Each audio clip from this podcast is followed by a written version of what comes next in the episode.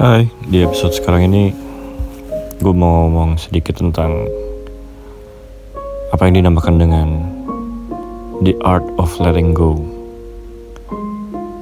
Seni seni apa ya namanya? Terjemahan tepatnya mungkin bisa dibilang seni membiarkan sesuatu? Enggak. Seni merelakan sesuatu merelakan atau melepaskan sesuatu. Ya ini nggak tahu sih tiba-tiba aja gue pikir tentang ini. Gue pikir bisa gue share ke teman-teman yang lain.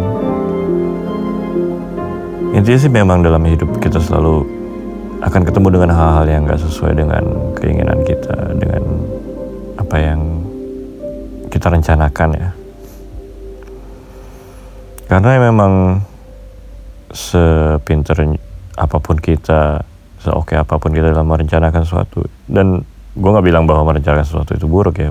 Justru bagus kalau kita bisa punya rencana hari ini mau ngapain aja, jam sekian mau kerja, jam sekian mau makan, jam sekian mau ketemu orang, ketemu teman, jam sekian mau nelpon orang tua. Tapi memang apa pun yang kita rencanakan dalam hidup itu nggak sepenting apa yang bisa kita pelajari ketika nggak ada satupun dari yang kita rencanakan itu terjadi. Dan ini banyak cabangnya, ada yang berhubungan dengan karir, ada yang berhubungan dengan studi, ada yang berhubungan dengan relasi dengan orang lain, dengan keluarga, dengan teman, dengan pasangan. Pasti akan ada hal-hal yang bikin kita ngomong, kok gitu sih? Kok dia gitu sih? Kok gue begini ya? Tapi memang seperti apa pun di di alam sekitar kita ya, lingkungan alam, semuanya butuh waktu. Termasuk diri kita sendiri, semuanya butuh waktu untuk kita bisa akhirnya memahami bahwa hal-hal yang gak sesuai dengan keinginan kita itu ternyata mempersiapkan kita untuk sesuatu yang lebih besar. Yaitu kalau mau bicara positif ya, berpikir positif. Oh ya udah masih untung begini, masih untung uh, masih untung kamu bisa masih bisa hidup, masih bisa bekerja, masih untung orang tua kamu masih bisa uh, nyupport kamu atau bisa menyekolahkan kamu di sekolah yang baik. Mana ada kalanya kita susah untuk berpikir positif.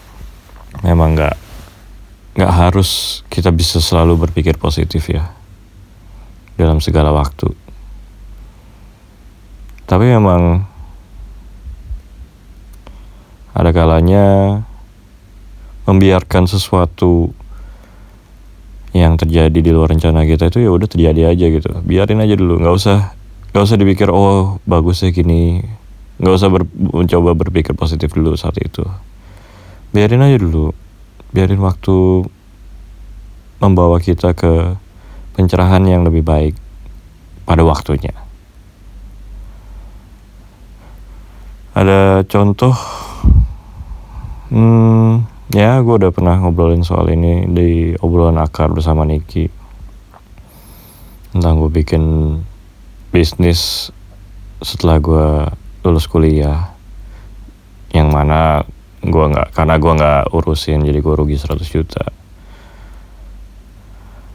Dan waktu tahu itu emang gue kaget banget. Tapi ya, akhirnya gue bisa ngeliat bahwa pengalaman itu terjadi untuk suatu alasan ya. Terutama buat gue yang lumayan telat belajar menghargai waktu dan uang yang gue hasilkan sendiri juga jadi gue bisa menghargai itu.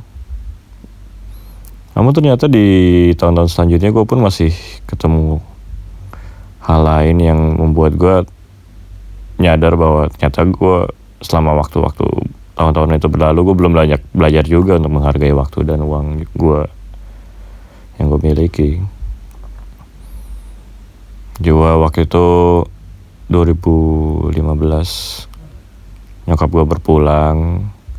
Ada penyesalan juga kenapa gue nggak banyak meluangkan waktu untuk ngobrol sama dia.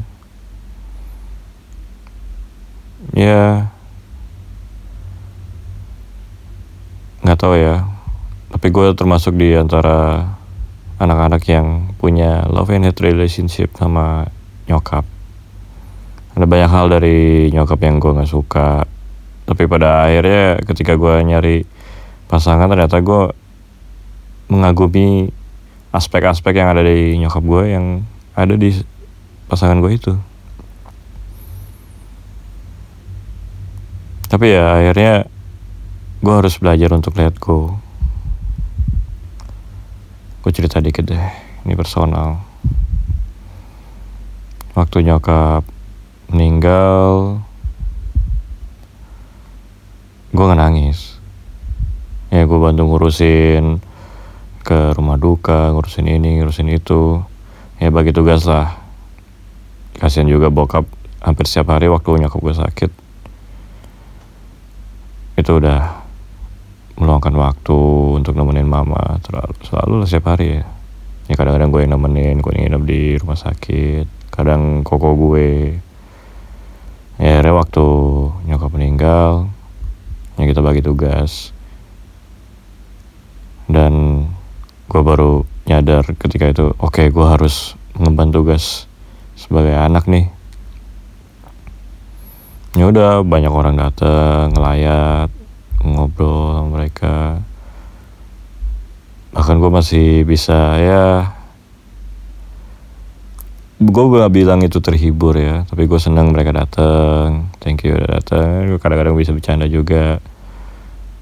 Bahkan ya waktu di hari pertama jadi kalau orang Kristen tuh emang ya kayaknya nggak cuma orang Kristen doang ya.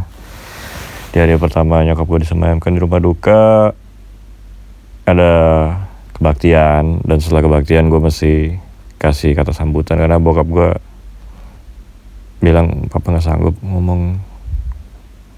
Ya gue ngeliat mukanya bokap gue sedih sekali waktu itu. Dan ya kenapa bukan koko gue ya? Lo aja deh gitu masalah gitu dia bilang ke gue ya udah gue selama pendeta lagi khotbah kasih penghiburan ya kebaktian penghiburan namanya. Gue mikir apa ya speech yang bisa gue sampaikan? Dan karena gue adalah musisi dan kerjaan gue berhubungan dengan bunyi gue mikir oke okay, gue harus mulai dengan bunyi. Dan juga gue ingat gue pernah baca salah satu tulisan Samuel Abdul Syukur. Dia itu komponis Indonesia dia itu adalah gurunya guru gue Otto Siddhartha di salah satu tulisannya dia pernah bilang bahwa telinga itu adalah salah satu organ utama, organ pertama yang terbentuk di janin manusia. Jadi waktu kita baru mulai kebentuk sebagai janin dan udah mulai punya organ, salah satu yang ya mungkin setelah jantung ya, itu yang di develop adalah telinga. Mungkin belum berbentuk telinga seperti telinga kita pada umumnya sekarang, tapi itulah organ pendengaran dan gue uh, mengutip itu bahwa memang dari sebelum gue dilahirkan gue udah diberikan karunia untuk bisa dengerin detak jantung nyokap gue suara nyokap gue bahkan sebelum gue sadar ya gue belum dilahirkan gitu. Gue belum punya konsep kesadaran lah setidaknya. Dan gue bersyukur karena gue dilahirkan oleh ibu gue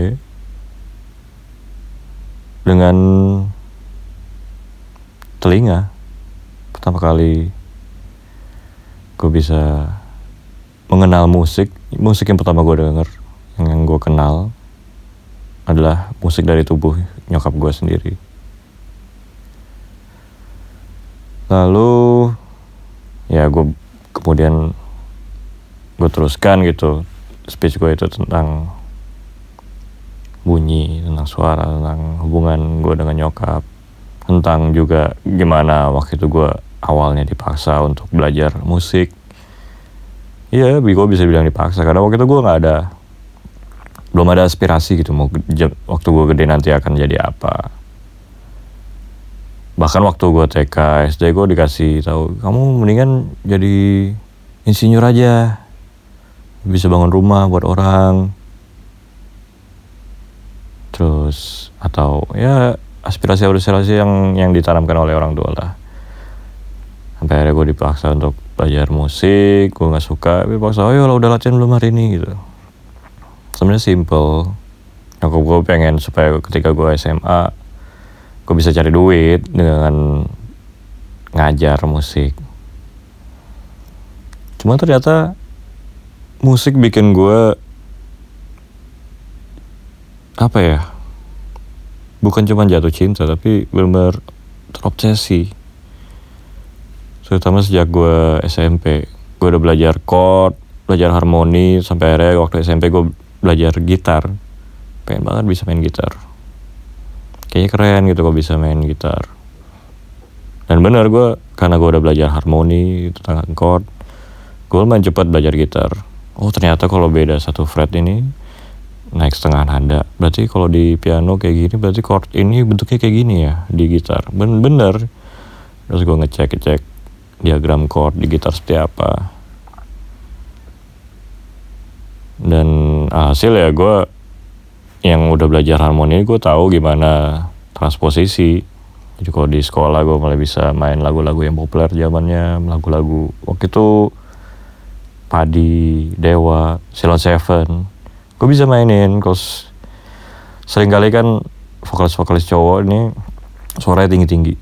Jadi kita gak ada yang nyanggup nggak nggak ada yang nyampe gitu nyanyi setinggi itu. Gue bisa turunin tuh nadanya. Gue ngerti masih pengen diki apa di tangan ada apa. Aslinya di tangan ada mana gue turunin satu atau satu setengah atau dua. Atau kadang-kadang kalau yang nyanyi cewek-cewek ya gue turuninnya lebih lebih banyak lagi turunin empat gitu ada. Ya karena range mereka beda ya. Walaupun gue turunin lebih jauh tapi mereka kan nyanyinya di satu oktav di atas cowok. Terus gue juga udah mulai pelayanan di gereja.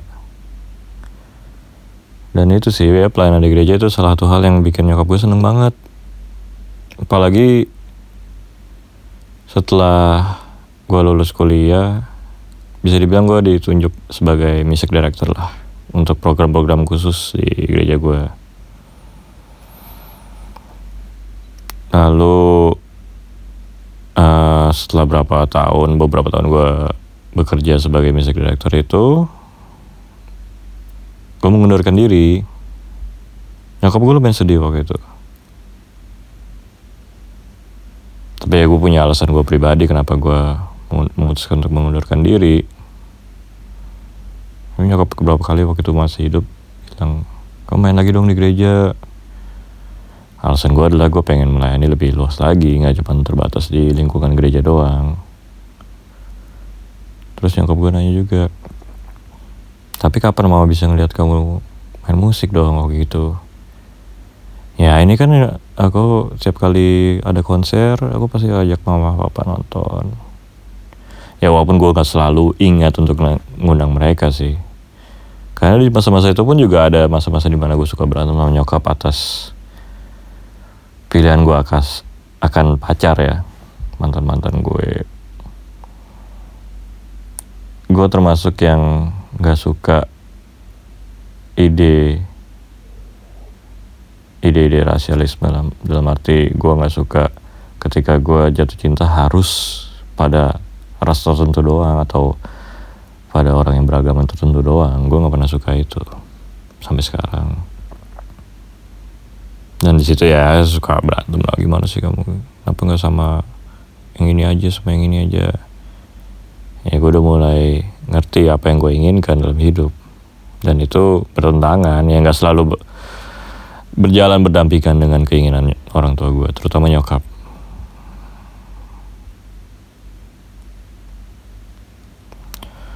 Lalu ini malam pertama setelah semua orang udah pulang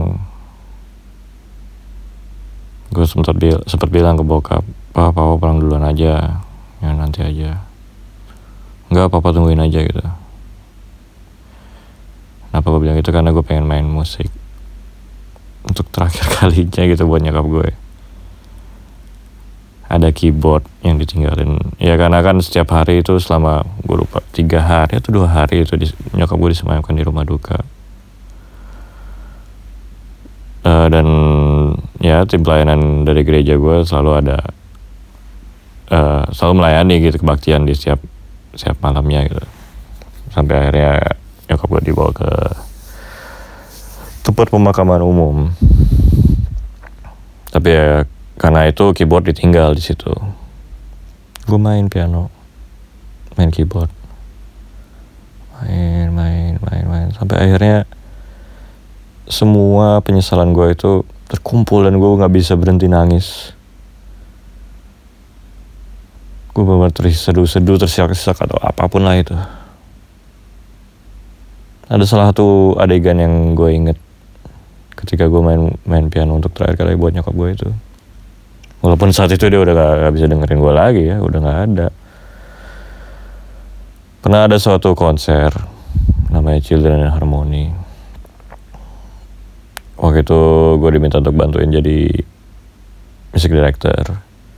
Dan lagu-lagu yang dimainin adalah lagu-lagunya teman gue namanya Mesti Mesti Aryo Tejo dia dokter dan sekaligus pemain harpa. Dia juga suka bikin lagu itu kita udah pernah rekaman juga album. Orkesnya direkam di Beijing ngondak di sana. Dan ketika itu dia bikin charity concert untuk bantu anak-anak di Ruteng di Nusa Tenggara Timur. Tempat di mana dia dulu ditempatin waktu koas. Dan sebenarnya bilang undang dong nyokap lu.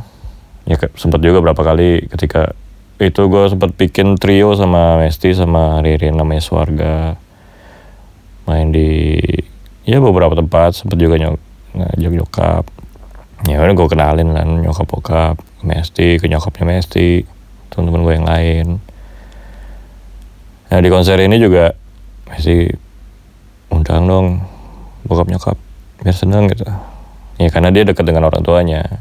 Dan gue malah oh iya ya kok gue nggak inget gitu saat itu.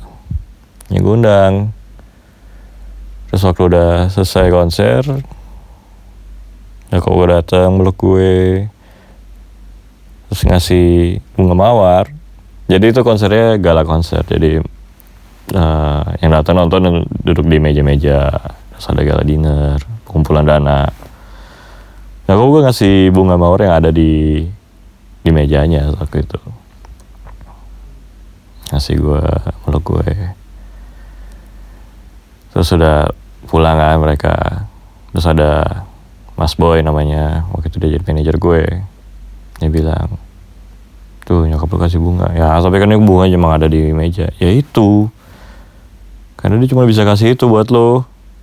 Tapi dia benar-benar bangga banget sama lo nangis gue saat itu juga. Dan adegan itulah yang ter ter flashback di kepala gue waktu gue main piano untuk terakhir kalinya itu. Makin kejar nangis gue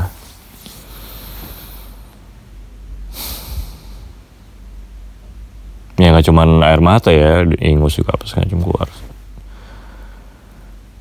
Gue segitu apa ya selama seharian itu gue gak ada nangis sedikit pun di malam itu lah ketika gak ada orang semuanya keluar kesedihan gue, penyesalan gue, kemarahan terhadap diri sendiri.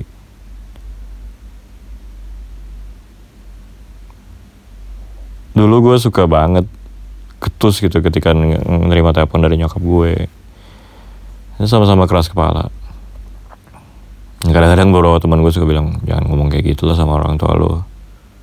Ya habis gini gini gini gini, gue kan udah gede kenapa mesti bla bla bla bla bla. Ya apa pun lah alasan gue gue lupa teman-teman gue pada nasihatin apa tapi ya akhirnya gue ya juga ya. Ya lu makin makin lu dekat dengan menuju ke umur orang tua lu lu makin akan ngerti alasan dari semua yang mereka lakukan selama ini. Karena emang nggak ada yang namanya orang tua yang sempurna kan nggak ada manusia yang sempurna dan dari situ gue mulai sedikit demi sedikit belajar untuk menerima mereka apa adanya. Walaupun awalnya ya mungkin gue kesel, sakit hati. Tapi lama-lama akhirnya gue bisa melihat itu semua sebagai bentuk cinta mereka terhadap gue. Dengan latar belakang keluarga dari kelas menengah yang mengalami ya naik turun secara finansial lah. Akhirnya gue baru baru belakangan lah gue baru bisa mensyukuri di mana gue dilahirkan. Waktu SD mungkin gue kesel kenapa orang tua gue nggak nggak beliin gue mainan video game Nintendo Sega PlayStation atau apa pun itu. Nggak pernah gue punya satupun itu. Komputer gue pernah punya itu pun juga karena dihibahkan. Diwariskan dari sepupu gue yang udah butuh komputer yang baru yang lama masih bisa dipakai gue pakai itu. Cuman ya pada akhirnya keadaan yang membentuk kita jadi siapa diri kita sekarang kan? Dan akhirnya gue belajar untuk bisa melepaskan berdoa berdamai dengan diri gue sendiri dengan nyokap gue sendiri juga. Bahkan ya walaupun itu udah telat ya.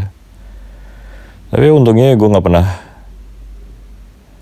nggak pernah lupa nggak pernah kehilangan kesempatan untuk bilang bahwa gue sayang sama nyokap gue. Terlepas dari semua cekcok yang pernah kita punya. Setidaknya itu salah satu hal yang bisa menghibur gue lah waktu itu. Menghibur penyesalan gue menghibur kemarahan gue terhadap diri gue sendiri.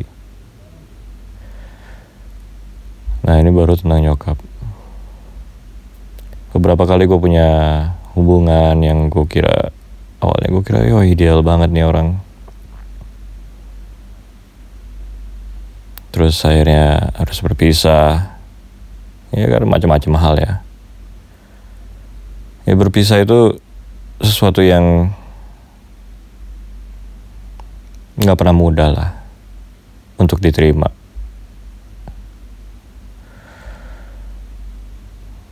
Ya ya itulah kenapa dia begini kenapa nggak begini bla bla bla kenapa gini kenapa gitu. Yang baru terjawab mungkin tahunan setelahnya bertahun-tahun setelahnya. Setelah gue baru bisa belajar untuk melepaskan merelakan. Bahkan ini masih terjadi sampai sampai sekarang lah gue pernah punya hubungan yang cuma sebulan gue pernah punya hubungan yang udah empat tahun malah akhirnya nggak berhasil juga. Sampai akhirnya ketemu yang sekarang yang semoga ya bisa langgeng lah. Tapi itu pun juga gue tahu ya gue jadi belajar dari semua pengalaman itu bahwa nggak ada satupun hal yang gue miliki di dunia ini yang yang bisa gue take for granted. Apa ya bahasa Indonesia ya intinya gue nggak merasa berhak memiliki semuanya itu pantas memiliki semuanya itu. Ke bahasa Inggrisnya itu sense of entitlement. Dan gue merasa beruntung untuk semua hal yang gue miliki sampai sekarang ini. Bukan karena gue berhak mendapatkan itu. Bukan karena gue pinter jadi bisa mendapatkan semua itu bukan karena apa pun lah karena nggak nggak semua orang ber, uh, beruntung memiliki apa yang gue miliki saat ini. Walaupun gue juga masih banyak nggak memiliki hal-hal yang dimiliki orang lain. Tapi ternyata setelah gue belajar untuk merelakan semua hal yang nggak lagi gue miliki.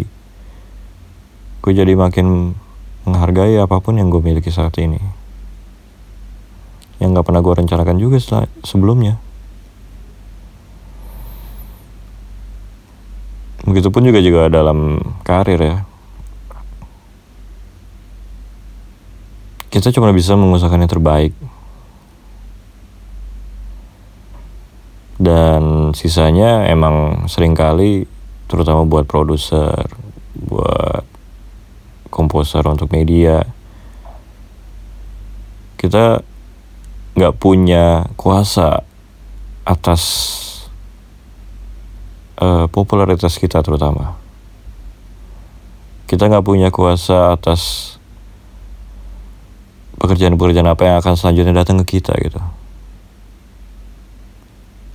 Tapi kita bisa mempersiapkan diri. Apa ya waktu itu ya istilahnya tuh? Hmm, tentang kesempatan. Hmm, oh iya, keberuntungan itu adalah ketika kita siap menerima dan mengambil kesempatan yang datang.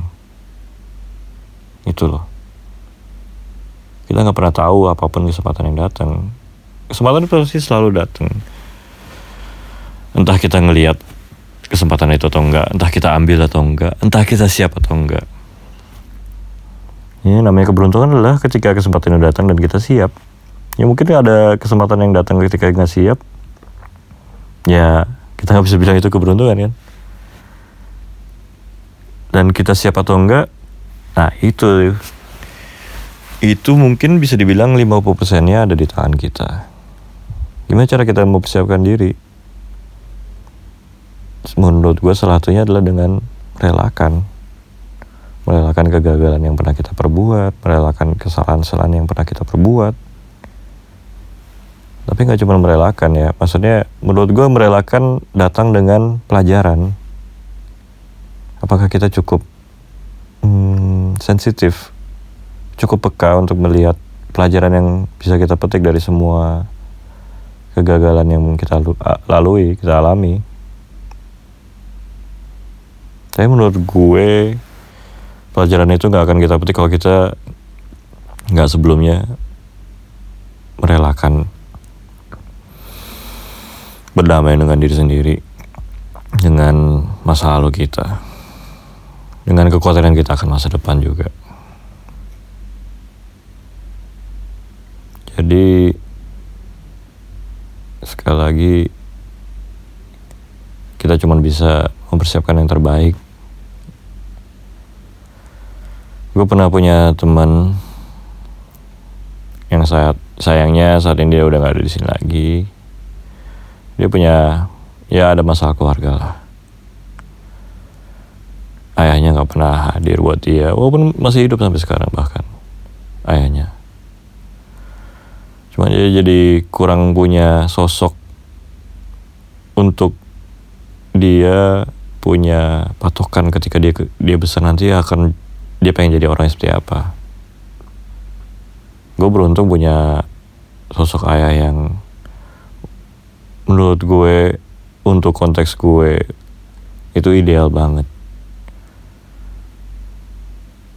Ya bokap gue selalu perform dengan baik dalam kerjaan apa pun yang dilakukan walaupun pekerjaannya mungkin berganti-ganti ya di setiap fase kehidupan gue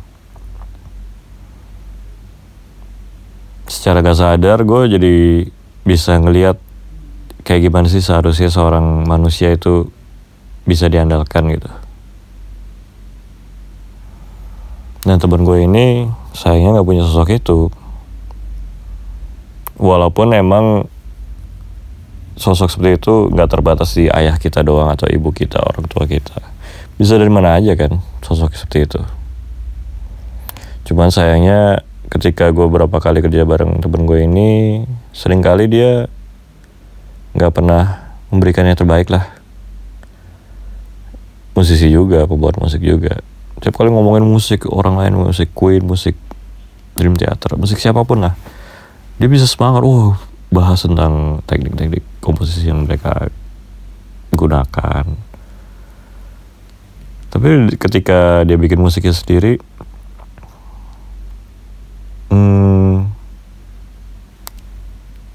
gue merasa sebenarnya dia bisa mencapai standar itu karena yang dia dengerin referensi-referensi musik yang dia dengerin itu semuanya apa ya bukan cuman keren tapi ya punya standar yang tinggi secara produksi maupun secara komposisi. Tapi kok kayak gue melihat dia selalu kayak menunggu saat yang tepat gimana dia akan bisa menciptakan mahakaryanya gitu. Sedangkan sering kali di dunia musik ini waktu itu sesuatu yang berharga banget tapi juga sekaligus ya karena kenapa bisa berharga? Karena terbatas. Setiap proyek yang datang ke kita itu punya deadline selalu ya ada sih kadang beberapa pekerjaan yang ya udah pokoknya sampai jadi deh gitu. Untuk batas waktu yang infinite yang nggak nggak jelas. Tapi sering kali proyek-proyek seperti itu malah nggak menghasilkan mahakarya juga. Justru dengan waktu yang terbatas kita jadi ya dipaksa untuk memaksimalkan semua sumber daya yang kita miliki termasuk waktu. Dari teman gue itu pun gue juga belajar, belajar gitu. Akhirnya bahwa kita nggak bisa nunggu untuk suatu pekerjaan datang ke kita untuk kita bisa berikan yang terbaik. Sebisa mungkin apa pun pekerjaan yang datang ke kita, mau itu sereceh apa pun atau se sebergengsi apa pun ya kita harus bisa ciptain kebiasaan itu bahwa dengan time frame yang ada kita harus bikin itu semaksimal mungkin. Walaupun itu gak pernah selalu di ukuran yang ideal kita yang harus bikin itu semua jadi ideal.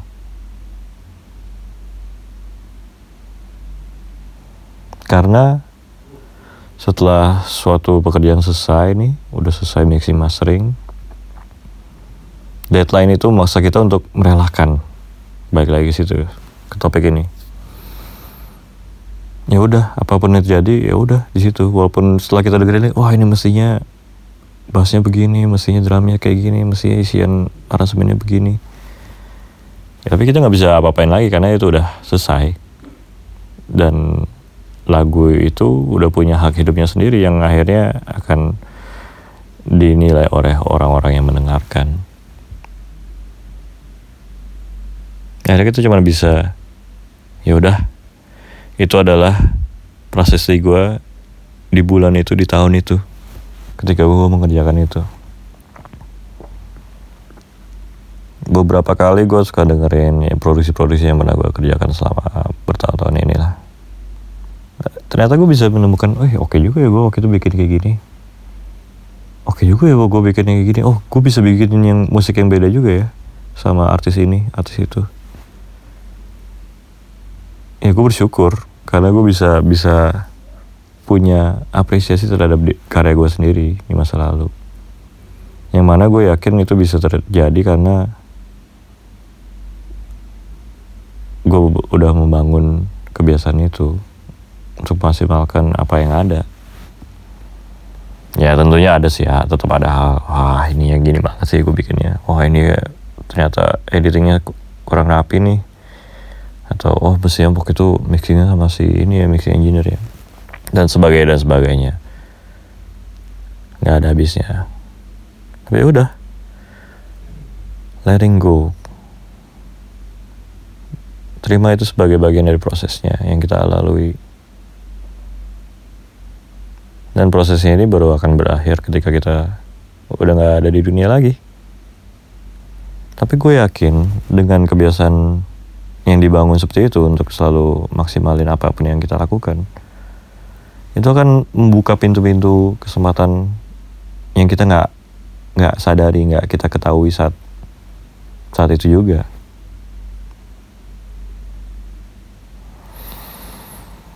Bulan April kemarin 2019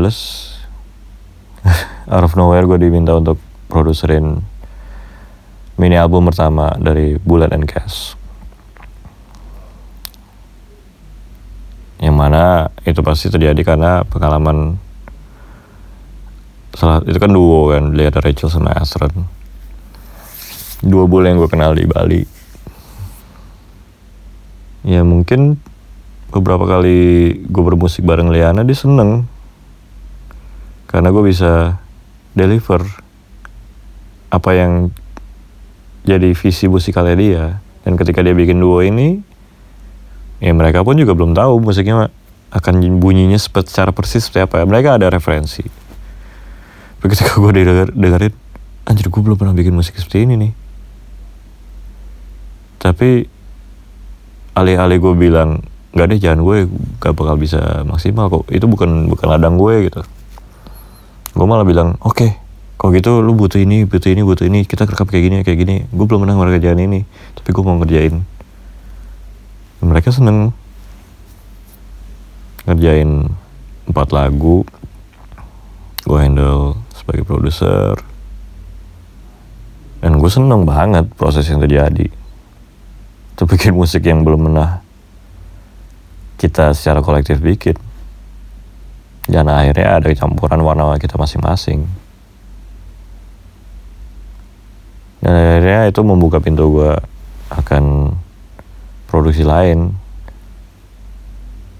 Teman serumahnya itu namanya Phil dari New Zealand. Dia punya dia pernah produserin penyanyi namanya Hannah dari New Zealand juga yang datang berapa bulan kemudian. Dan gue di rekomendasi sama Phil udah sama Andre saja gitu. Kayaknya cocok gitu. Ya ngobrol jadi tiga lagu dan masing-masing punya versi akustiknya sekarang masih lagi tahap editing. Dan di situ pun juga sama.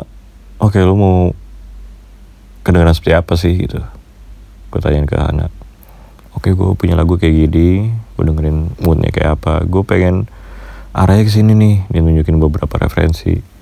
Oke kalau gitu lu butuh ini ini ini ini. Kayaknya kayak gini deh. Ya udah gue bikin aja. Semaksimal yang dibutuhkan oleh lagunya ya dengan tes gue saat itu ternyata dia seneng. Intinya kan cuma dengerin aja apa yang mereka uh, inginkan dan kita deliver sebaik mungkin dengan semaksimal yang skill kita punya dan knowledge kita yang dan stage yang kita punya saat itu juga. Dan becoming an open minded person tentunya ya ujung-ujungnya sih menurut gue sih emang kalau gue nggak punya nggak belajar seninya merelakan gue nggak akan membuka diri gue terhadap banyak hal baru dalam hidup gue termasuk referensi musik dalam hal ini misalnya. Ya ada banyak hal lain sih yang gue pelajari selama 35 tahun hidup gue yang gue sangat gue syukuri. Karena gue bisa belajar tentang merelakan ini dari ya dari gue umur 20-an lah.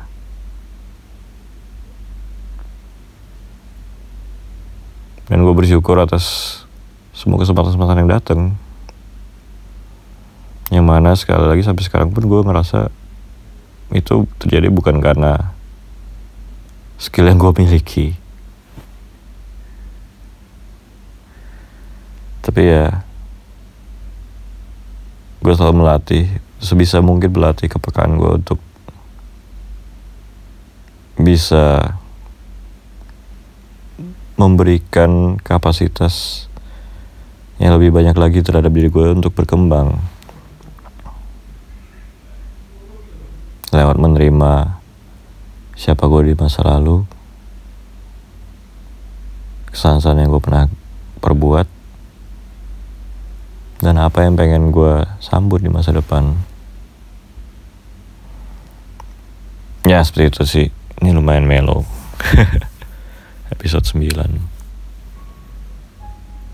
Ya semoga ini bisa berguna lah buat teman-teman yang lain. Waktu itu kayaknya gue punya, oh nggak beda, punya tagline tapi itu untuk obrolan akar. Tapi menurut gue sama sih. Moto gue dalam hidup yang akan gue jadikan, jadikan tagline. Oke, okay. see you and keep growing. That's the tagline.